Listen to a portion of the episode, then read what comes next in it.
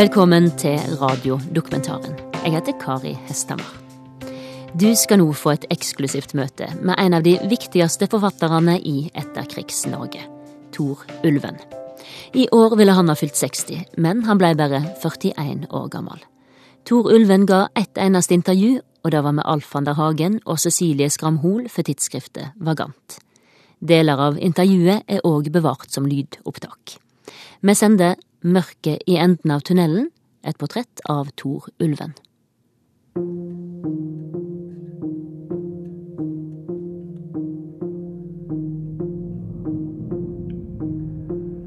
For 35 millioner år siden ble en edderkopp og en gresshoppe sittende fast ved siden av hverandre i den samme kvaen som harnet. En ravklump. Et skjebnefellesskap, om man vil. De sitter fremdeles fanget der. Man kan se dem begge inni den varmgule, lysgjennomtrengelige steinen. Samt en luftboble 35 millioner år gammel luft. Jeg kunne tenke meg å lage et smykke av ravet og henge det rundt halsen din. En gave fra før mennesker fantes, til deg. Jeg liker tanken på millioner år gamle insekter nær huden din. Spør meg ikke om hvorfor.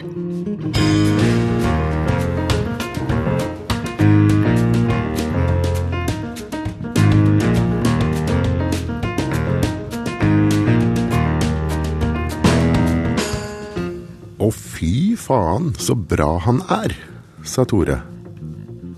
Vi hadde nesten tårer i øynene da vi pratet om hvor bra bøkene til Tor Ulven var. Jeg leste Tor Ulven og nøt hver setning han skrev, den uhørte og nesten overmenneskelige presisjonen i dem. Tor Ulven, det var det høyeste.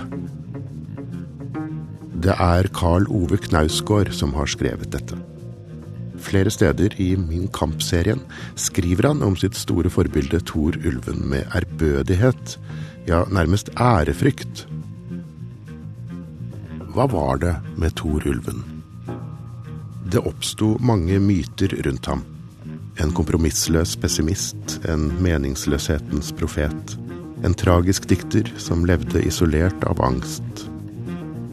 Få møtte ham eller hørte stemmen hans.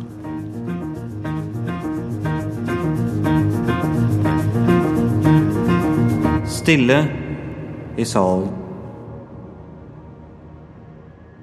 En utgravd kjeve lener seg over mikrofonen og skriker med istidens utdødde stemme. Din egen stemme på lydbåndet, det er speilbildet som forteller at også du hører til i en steinalder. Går båndene, eller? Ja. Gjør det det? Ja, det er akkurat det. Er det noe, er det sånn nål som viser utslaget der? eller? Dette er 20 år siden. Så det er ett, to, yes, og det er digitalt til og med. Det er ikke dårlig. Han ville ikke la seg intervjue av noen. Nei, hvorfor jeg ikke vil bli intervjuet? For det første så er jo øh, blir jo intervjuet alltid en slags kommentar til det man skriver. Mens det man skriver, burde jo kunne klare seg utmerket godt ukommentert. altså Det burde dreie seg om uh, bøkene. Han åpnet døren for ett eneste intervju i 1993. Da ville vi i tidsskriftet Vagant feire hans 40-årsdag. Han bodde i andre etasje i en arbeidervilla på Årvoll i Oslo, barndomshjemmet like ved Bjerkebanen. Jeg parafrasere Ibsen, kan si at mitt kall er, er at tale kun at skrive. Altså, det er to veldig forskjellige situasjoner. Mm, og når man snakker, kan man komme i skade for å si utrolig mye dumt. Det vet jo alle som har prøvd å snakke. Når man snakker, så er man øh, ja, jeg si, inni sin egen stemme. Man spyr seg selv ut, enten man vil eller ikke. Mens når man skriver, så man, har man distanse. Tor Ulven satte en standard for den beste litteraturen på 1990-tallet. Både for de unge, Karl Ove Knausgård, Tore Renberg, og sine jevnaldrende, Ole Robert Sunde, Jon Fosse. I etterordet til hans samlede prosaverker står det at mange betrakter Tor Ulvens forfatterskap som det viktigste i norsk etterkrigstid. 18. mai 1995 tok Tor Ulven livet sitt, 41 år gammel. Om du aldri var blitt til, ville du ikke lest dette. Og det ville ikke gjort noen forskjell. Og når du ikke lenger er til, er det som om du aldri skulle lest det. Sett fra kosmos er vi bare et lite blaff. Tor Ulven skrev om det som kom før oss, og sporene etter oss. En klode som ikke lenger er bebodd, en natur som klarer seg godt nok uten oss. Det gjør ingen forskjell. Men nå, mens du leser det, hender noe. Det eter noen sekunder av din tid. Som om et lite dyr, loddent av bokstaver, gnavlende, sperret veien mellom deg og ditt neste minutt. Du tar det aldri igjen. Det knasker uforstyrrelig i seg tidens mikroorganismer. Det blir aldri mett. Ikke du heller. Du har det berømte bildet med en film ikke sant? som viser jordens historie. Så, og de siste som, som varer jeg husker ikke, altså. En film om jordens historie som varer i 24 timer. Og de siste tre minuttene så opptrer det moderne mennesker. Okay. Faktisk, altså, ikke sant? Altså, det, det, den tiden, liksom, vi, har, vi har eksistert som Homo sapiens sapiens, og det begynner å bli en 40 000 år drøyt. det. Er en bagatell. Uh, og det er som Heidegger sier også, at så lenge man snakker om mennesket, så kan man ikke snakke om noe evig. Ja, det er tøv. Altså, og det er det jo. Uh, og det er det vel kanskje grunn til å minne om, uh, syns jeg. Ja, altså husk at også du er en del av en steinalder, som du sier. Ja.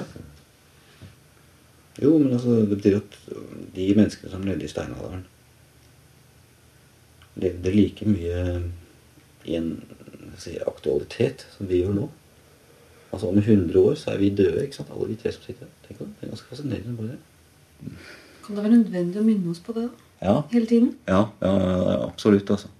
Nei, ja, jeg kan si nei, ja, både òg. På den ene side så har man lov til å mm, la seg underholde.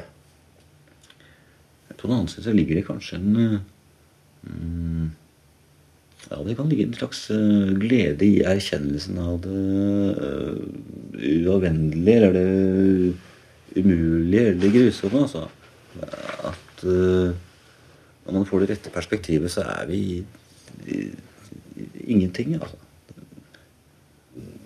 inni våre hjerner så kan vi ha et perspektiv som går hva er det nå, tilbake, altså tilbake til Big Bang omtrent. altså Så og så mange millioner år tilbake.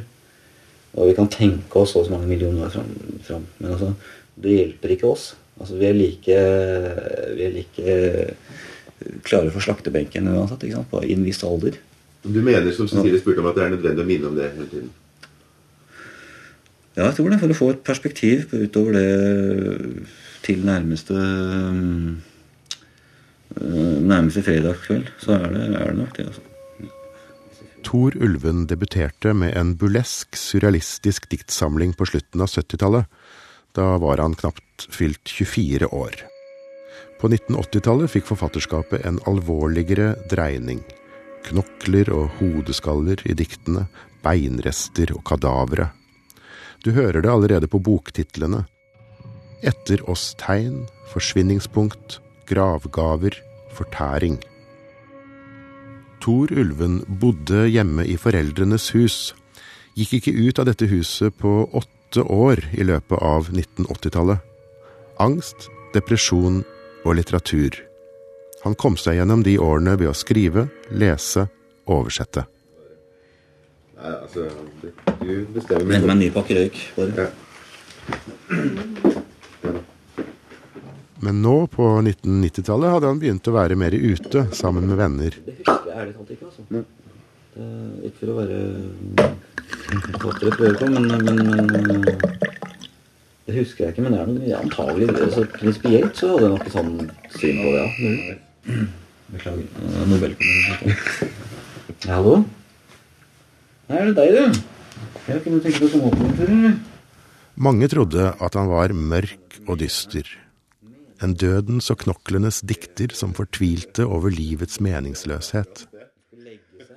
Men eh, hjemme i stua på Årvoll var han en ganske vanlig fyr i slutten av 30-årene. Kort, mørkt hår, flanellskjorte. Ville helst ha med seg en kjæreste hvis han skulle ut på byen. Røkte sigaretter og drakk øl som andre. Men jeg vet ikke det, Du sier 'ha erfart det', sier du. Nå må det være Nå er det Nobelkomiteen. Ja, hallo, Nobelkomiteen. Er det Pål Godrøm, ja? Ja. Ja vel. På Kafé Sara? Jeg vet ikke hvor er den engang. Nei. Hm? Ja. Fra 1989 skrev han for litteraturtidsskriftet Vagant skjønnlitterære tekster og essays om klassikere og om samtidige norske forfattere. Vagant var en stor redaksjon av studenter, akademikere og forfattere, journalister og kritikere. Møttes ofte ute på byen, Kafé Sara, Kakadu. Denne kvelden var han alene hjemme. Bøker sto i bokhylla, et munnspill lå i en av hyllene, og et kranium. Borte ved en av bokhyllene sto en ergometersykkel. Men aldri har vel noe treningsapparat reddet noen fra døden. Er stygg, altså. Er den nettopp kjøpt den, eller? Ja, brukt 3003. Altså, det er nydelig. Den ser ut som den er ny. Så jeg blir liksom helt Utrolig blir rød farge. Vi har hørt han i Chateau Neuf i 79. Han hadde kjøpt seg en rød Gibson-gitar. Skrivebordet hans vendte ut mot en vakker eplehage. Stolen kan justeres. Så kan strengene justeres individuelt. her, Vi hadde avtalt å gjøre dette til en høflig samtale med jubilanten. Jeg kan stryke det som er uhøflig, selvfølgelig. Det går an det. Um, Ellers er jeg for seg- for seg interessert i å skrive uhøflige bøker. Altså bøker som uh, plager leseren, på en måte. Det, det må jeg innrømme. Det fins jo så mange steder hvor man kan få balsam og legedom for uh, alle sine plager, så uh, jeg tror vi insisterer på det ubehagelige ved eksistensen i det skriver, faktisk. Altså. Det, fordi det er så mange andre steder hvor man får um, Ja, man, man får sin morfin, holdt jeg på å si. Jeg faller og faller. Ned gjennom sjakten i meg selv. Forbi lag etter lag av ruinbyer. Hvor bare en sovende fangevokter er igjen. Forbi førspråklige boplasser. Og huleveggen med avtrykk etter den første hånden. Din hånd. Faller. Faller. Bunnløs er jeg likevel ikke. Men også bunnen faller. Og fallet faller. Ingen får det siste ordet.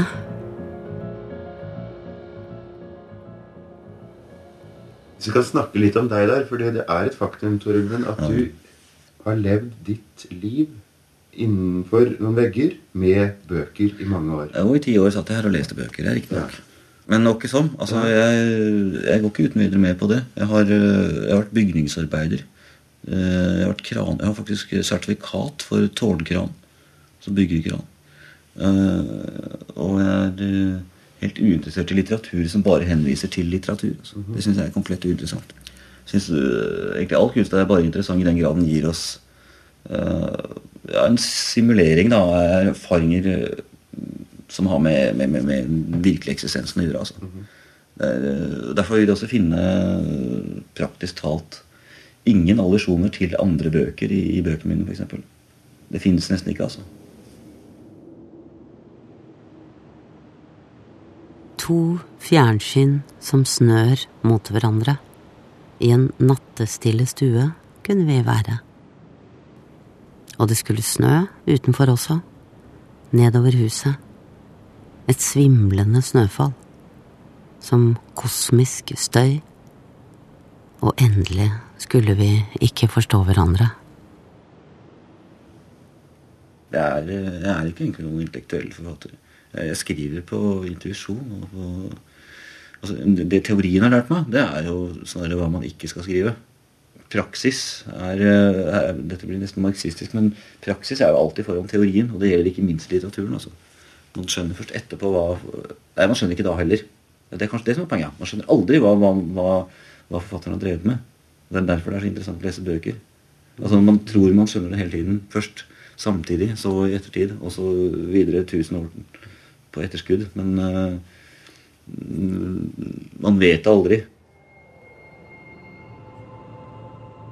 I mørket blir vi dumme, nær mineralriket. Forsvinning er dannelse. Og hvis jeg visste jeg visste, skjønte alt jeg hadde skrevet, så ville det vært komplett uinteressant, tror jeg. Altså. Det er kanskje banalt å si men, men, men, men, sånn er det faktisk. Altså. At det er snakk om noe hyggelig planlegging for å treffe det som ikke er planlagt. Derfor så bør bøker, alle bøker bør være litt dumme. Altså. Bør ha en sånn, eh, et felt av dumhet. Eh, bevisstløshet, eller hva vi kaller det som, eh, som ikke forfatteren har fanget. De bøkene som er for intelligent skrevet, de blir lett kjedelige altså. og gjennom, gjennomsiktige. på en måte. Jeg er ikke interessert i å være objektiv og kjølig. Jeg en idiot av kjøtt og blod som alle andre idioter av kjøtt og blod. ikke sant? Og Det er ikke noe vits i å prøve å late som noe annet. En omvendt gribb holder til huse inni oss, svirebrødre. Den eter alt som er nyfødt. Alt som ikke vil ligge i ro. Inni gribben er det solskinn. Fins det et kaldt og et varmt språk? Hmm. Ja, det gjør det nok. Men uh, hmm. Men det fins ikke minst et uh, varmt språk som er kamuflert som et kaldt, tror jeg. Hva mener du da? Å, sånn, ja. Nå, altså et språk som gløder, uh, men uh, later som det ligger en, uh, en tomme is. Det er, det er noe, Dette var jævlig avslørende, er dumt å si. Men det er snakk om både å tenke og, tenke og skrike, så å si, for å bli litt poetisk. Altså, det, altså tanken om smerten og smerteskriket. Og det, det skal komme samtidig. Altså, ja, det skal det faktisk. altså alt du har sagt og skreket i hele ditt liv. Sammentrengt i ploppet av en dråpe i en vannpytt. Så du, du, du, ville tatt det ille opp eh, Eller du tar det ille opp da når noen sier at du er kjølig? Du er kjølig, kjølig. Nei, jeg tar det ikke ille opp, men sier kanskje at uh, kanskje de har misforstått lite grann. Hvor, men allikevel, hvorfor er denne isflaten da, eller hinnen av is eller av kulde nødvendig? Uh, jeg holdt på å si for at man skal kunne gå på skøyter på den, men uh, ja, Må det komme en altså, setning til? Altså, ja, men altså, man skal jo ikke altså, Styrter man rett til helvete, så brenner man bare opp.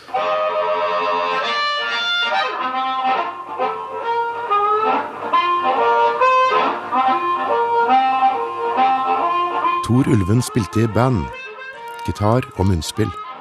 Hvis han måtte velge mellom litteratur og musikk, ville han valgt bluesen, har han sagt.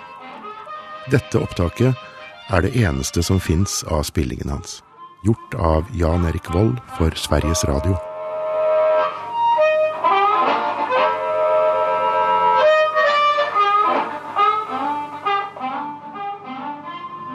Musikken forsvinner for alltid idet den spilles.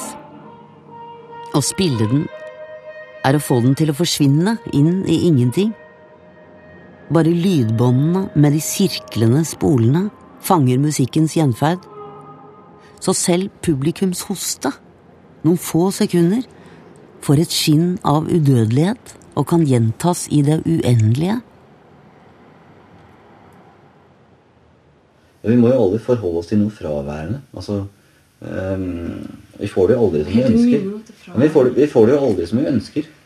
Altså, vi ser på ønskets avtrykk hele tiden. Eller knapt nok det. Eller ønskets spor. Eller, eller nordlyset av et ønske. Det var veldig poetisk Men, men det er jo sånn.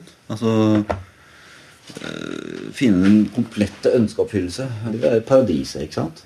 Er, jeg tror det er et poeng. Altså, le, altså, man snakker om at mennesker skal bli hele mennesker. Sånn. Det er for noe tøv. Altså. Det er klart Vi har ikke kjangs til å bli det. Altså, vi vil halte oss gjennom livet for det, er alltid noe vi mangler. Alltid. I enhver situasjon, til enhver tid. Og hvem vi enn er. Altså. Selvfølgelig.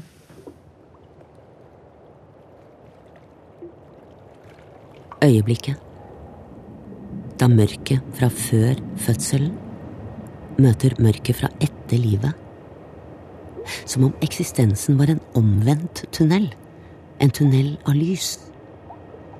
En unntakstilstand av synlighet. Mens mørket straks etterpå nærmer seg og lukker fra begge sider. Liksom parentesen av lys var tom. Det kan også godt si at bøkene mine historier handler om, å, om umuligheten av å resignere. Ne, vent da. Mangler talent for- ja, ja, ja, ikke sant? Ja, ja, ja, altså, Nødvendigheten av å resignere og umuligheten av å resignere. Så enkelt er det. Altså, en sånn teknisk litteraturteori og sånn, det er interessant nok, men uh, det er ikke det som gjør at jeg leser andres bøker, for å si det sånn. Jeg leser, Jo, jo, det òg. Altså, for å lære et og annet. Uh, Det kan det så være. Sånn øh, faglige greier i snever forstand. Men, men, men egentlig så er det for å Ja, ålreit, på en måte si det banalt som å lære noe om livet. Altså, eller lære om hvordan det er å være Eller hvorfor det er umulig å eksistere som menneske, for å si det enda flottere. Det, det er det jeg er ute etter, altså.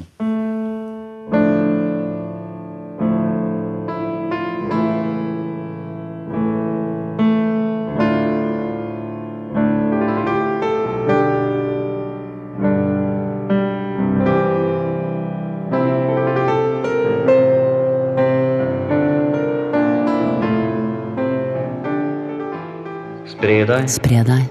Ingen omringer deg. Ingen omringer deg. Ingen er hos deg. Ingen er hos deg. Ingen er deg. Ingen er deg.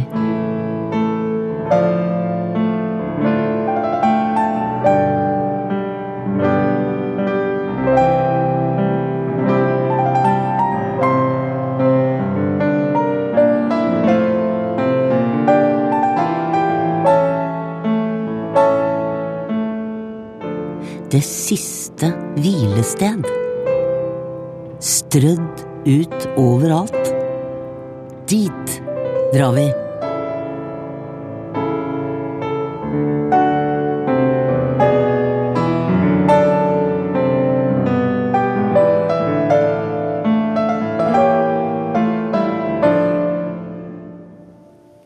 Det er, eh, Når man snakker om eh, populærkultur, at det er flukt osv., det er det. Og det er en åpenbar uh, rett folk har, synes jeg, til å flykte. For livet er jo for jævlig, selvfølgelig er det det. Det er klart at man har rett til å, til å flykte.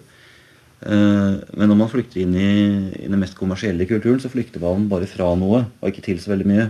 Men flykter man inn i en seriøs, uh, seriøs litteratur, f.eks., så, så, så flykter man også til noe. Og da får man på, på en måte igjen det man flyktet fra. Men i en slags uh, ja, Avklart form er ikke, er ikke rett uttrykket, men i hvert fall i en form. Det kan Men- være godt å flykte inn i noe som plager deg. Du, skrev, men du sa jo at du plager leseren. At du vil plage Mhm, leseren. ja, jo, men faktisk i den forstand at uh, da får man plagen igjen som form, altså, som kunstverk. Og det er et ganske vesentlig poeng, for at ellers er jo uh, lidelsen er formløs. Altså i det såkalte virkelige, eller ikke bare såkalte, men i det virkelige livet, så er lidelsen formløs. Men når man får det i en bok, så er det Hvis det er en god bok, da, i hvert fall, så har det en form. Og det er helt uh, avgjørende, tror jeg. altså kunstverket innebærer en slags glede eller nytelse i seg selv, altså som form. Og uansett av tematikk, eller hva man vil kalle det, såkalt innhold, så er det det er et gamle problem. ikke sant? Hvorfor, er det så, hvorfor kan man se på et maleri av den lidende Kristus øh, og få en slags glede ved det? Det er, det er, det er form. Altså, men, mens øh,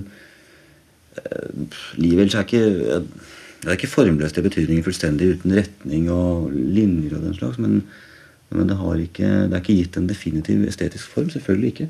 Altså, Det er det bare kunstverket som kan gjøre. Men, men eh, Og da, da får man en illusjon av eh, orden i kaos, selv om det er kaos man tematiserer. Altså. Det, det tror jeg er et poeng. faktisk. Tror du noen tar tilflukt i dine bøker? Mhm. Ja, hvis de ja, Hvis det er like mye avsmak for livet som jeg har, så gjør det sikkert det. Altså. Jeg vet. Det er alltid, det er alltid kunst for uh, fordi man eksisterer, og fordi det er for jævlig. Det er en sak. Men, men, men kunsten er så å si vår uh, kollektive kaldsvette. altså. Og det, det, det, kan ikke unngå å si noen pannen springer ut, for å si det sånn. Det, det går ikke an, altså. Det går ikke an. Om man ville, så går det ikke an, altså. Obligatorisk undervisning.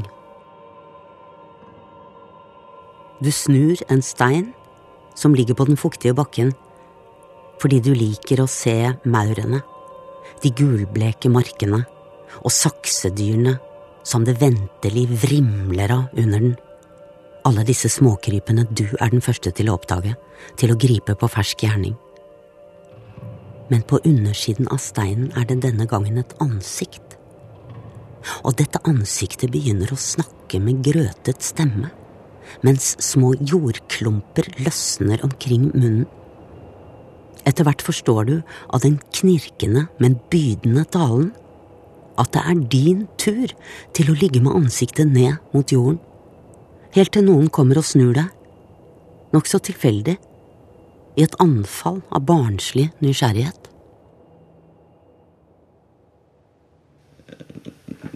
Desillusjonens uh, standpunkt kan også innebære en stor trøst. Det har jeg også erfart helt konkret. Uh, om jeg finner ut at verden ikke stemmer, over, stemmer overens med mine ønsker, så stemmer den i hvert fall overens med min innsikt. Man kan være like forblindet av eh, optimisme som av det motsatte. Ja, men man kan ja, være Alle spør hvorfor, hvorfor er pessimistene pessimister, hvorfor ser de så mørkt på verden. Det er aldri noen som spør hvorfor er optimistene så optimistiske, og hvordan har det blitt Hvordan kan du, hvordan kan du fått et sånt lyst syn på livet, van der Hagen? ikke sant? Altså, det er jo det er like betimelig, det. Det er, det er, altså, det er et grunnleggende prinsipp. at det, det, Ja, dere, det er jo stygt Vi, kan vi si. Det er mer korrekt. Um, lever jo alle med altså, reptilenes uh, biologiske intelligens. Altså, ja, de vil, eller nei, de encellede dyrene altså, som bare vil overleve. Altså bare at det er blitt uh, grunn, altså, de, de, trengte ikke å grunngi det i det hele tatt. De bare delte seg.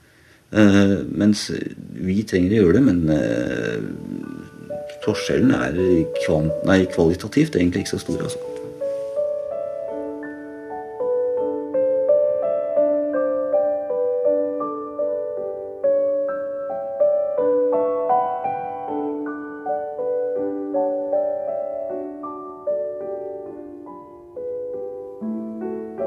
Det som roper i deg, roper ikke på deg. Det som ikke kan se selv, ser gjennom deg. Det som ikke kan skrike selv, har ingen angst. Det trenger ikke ditt skrik.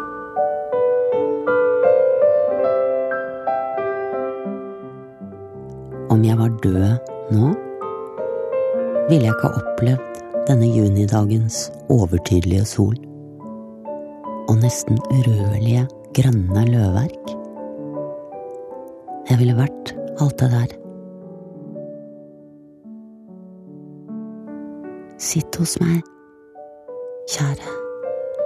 Fortell om den tiden da jeg ikke finnes mer.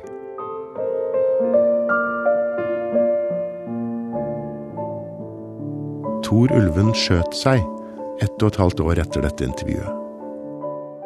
Han var inne i en fin flyt som forfatter. Han hadde forlatt poesien og ga ut prosabøker, historier. Tor Ulven kom med én ny bok nesten hvert år. Han ble lest og beundret. Det hadde åpnet seg et større rom for ham, og i bøkene. Og likevel Kunsten er og blir lokkemat i et ekornhjul.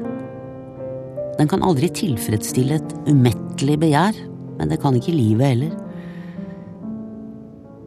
Men kanskje ligger noe av kunstens hemmelighet i at den, uten at vi riktig vet det, minner oss om det umulige i å tilfredsstille et uendelig behov, og at det i selve denne umuligheten murrer en bitter glede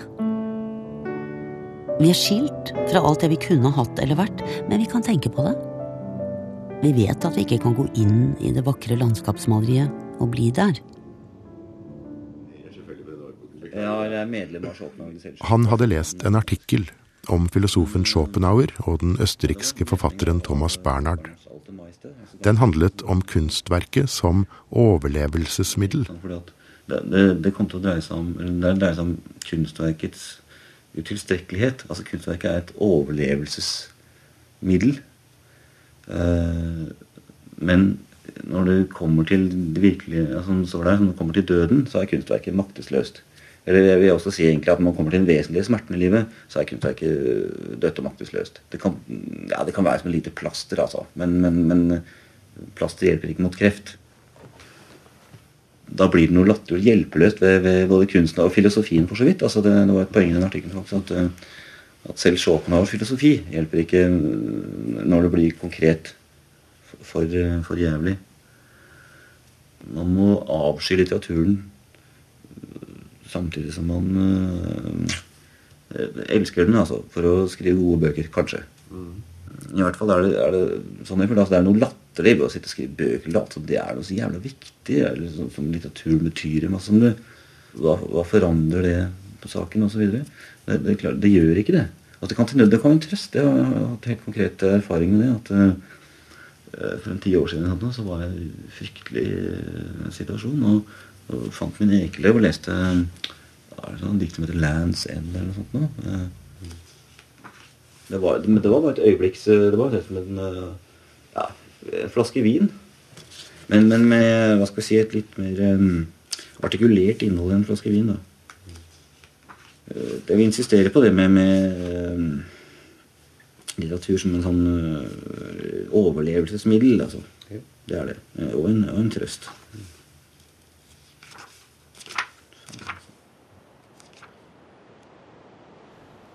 Og likevel må vi se og se etter det som var der før øyet lå åpent. Det som blir igjen etter at øyet har sett. Uh, vi lever alle ganske usle liv, og det, når man leser krig og fred, eller hva det måtte være, så det, uh, stimulerer man en slags utvidelse av erfaringsrommet, uh, uten tvil. Altså Man kan late som man har vært med i napoleonskrigene. Så I den grad man går på den illusjonen, det har man også lov til å gjøre. Så, så har man på en måte gjort det. Men man har simulert det.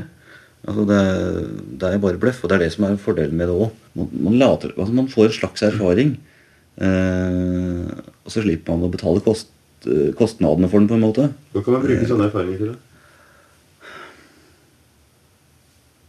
Altså, Du har den der banale visdommen som går på at det er bedre å tenne et lys i mørket enn å forbanne mørket. Men uh, det er kanskje bedre å kjenne mørket for ikke å risikere å sette fyr på hele huset. for å si det sånn. Altså, Ja. Jeg tror jeg vil si det sånn. Være vann i vannet. Være vann i vannet. Være stein Være i steinen. stein i steinen. Eller elske Eller hånden elske hånden som griper som steinen griper steinen under vannet. under vannet.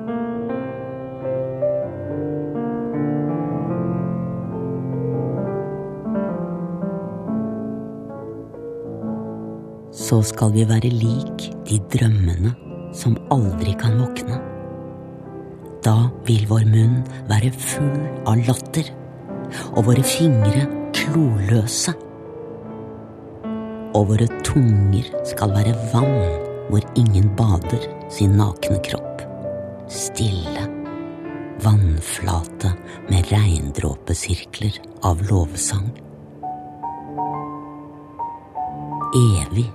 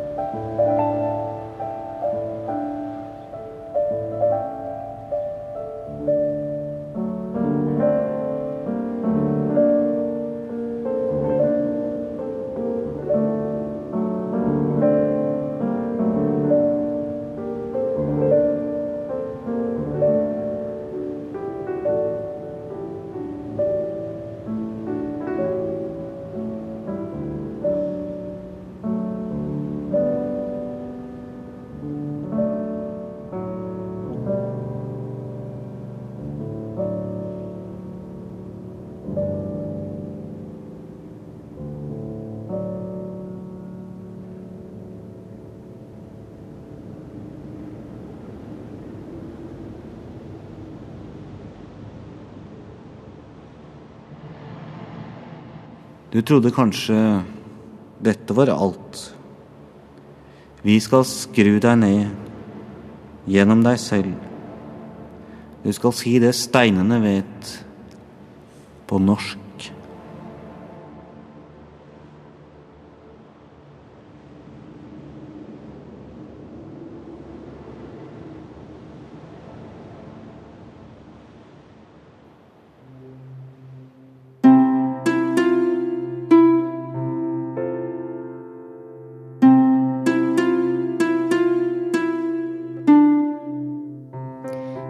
Har hørt radiodokumentaren 'Mørket i enden av tunnelen', et portrett av Tor Ulven. Programmet var laga av Alf van der Hagen. Nils Jakob Langevik hadde den tekniske regien, og Berit Hedemann var konsulent. Intervjuet med Tor Ulven fant opprinnelig sted 16.10.1993, og ble gjort av Alf van der Hagen og Cecilie Skram Hoel for tidsskriftet Vagant. Gisken Arman leste utdrag fra Tor Ulven sine dikt og prosa. Og fra arkivet leste Tor Ulven egne dikt i opptak gjort for Sveriges Radio og fra Vagant sin poesi-CD Munnens lov. Neste lørdag i vår sendetid klokka 10.03 er det jul i P2, og du kan høre et kåseri av Frode Grytten.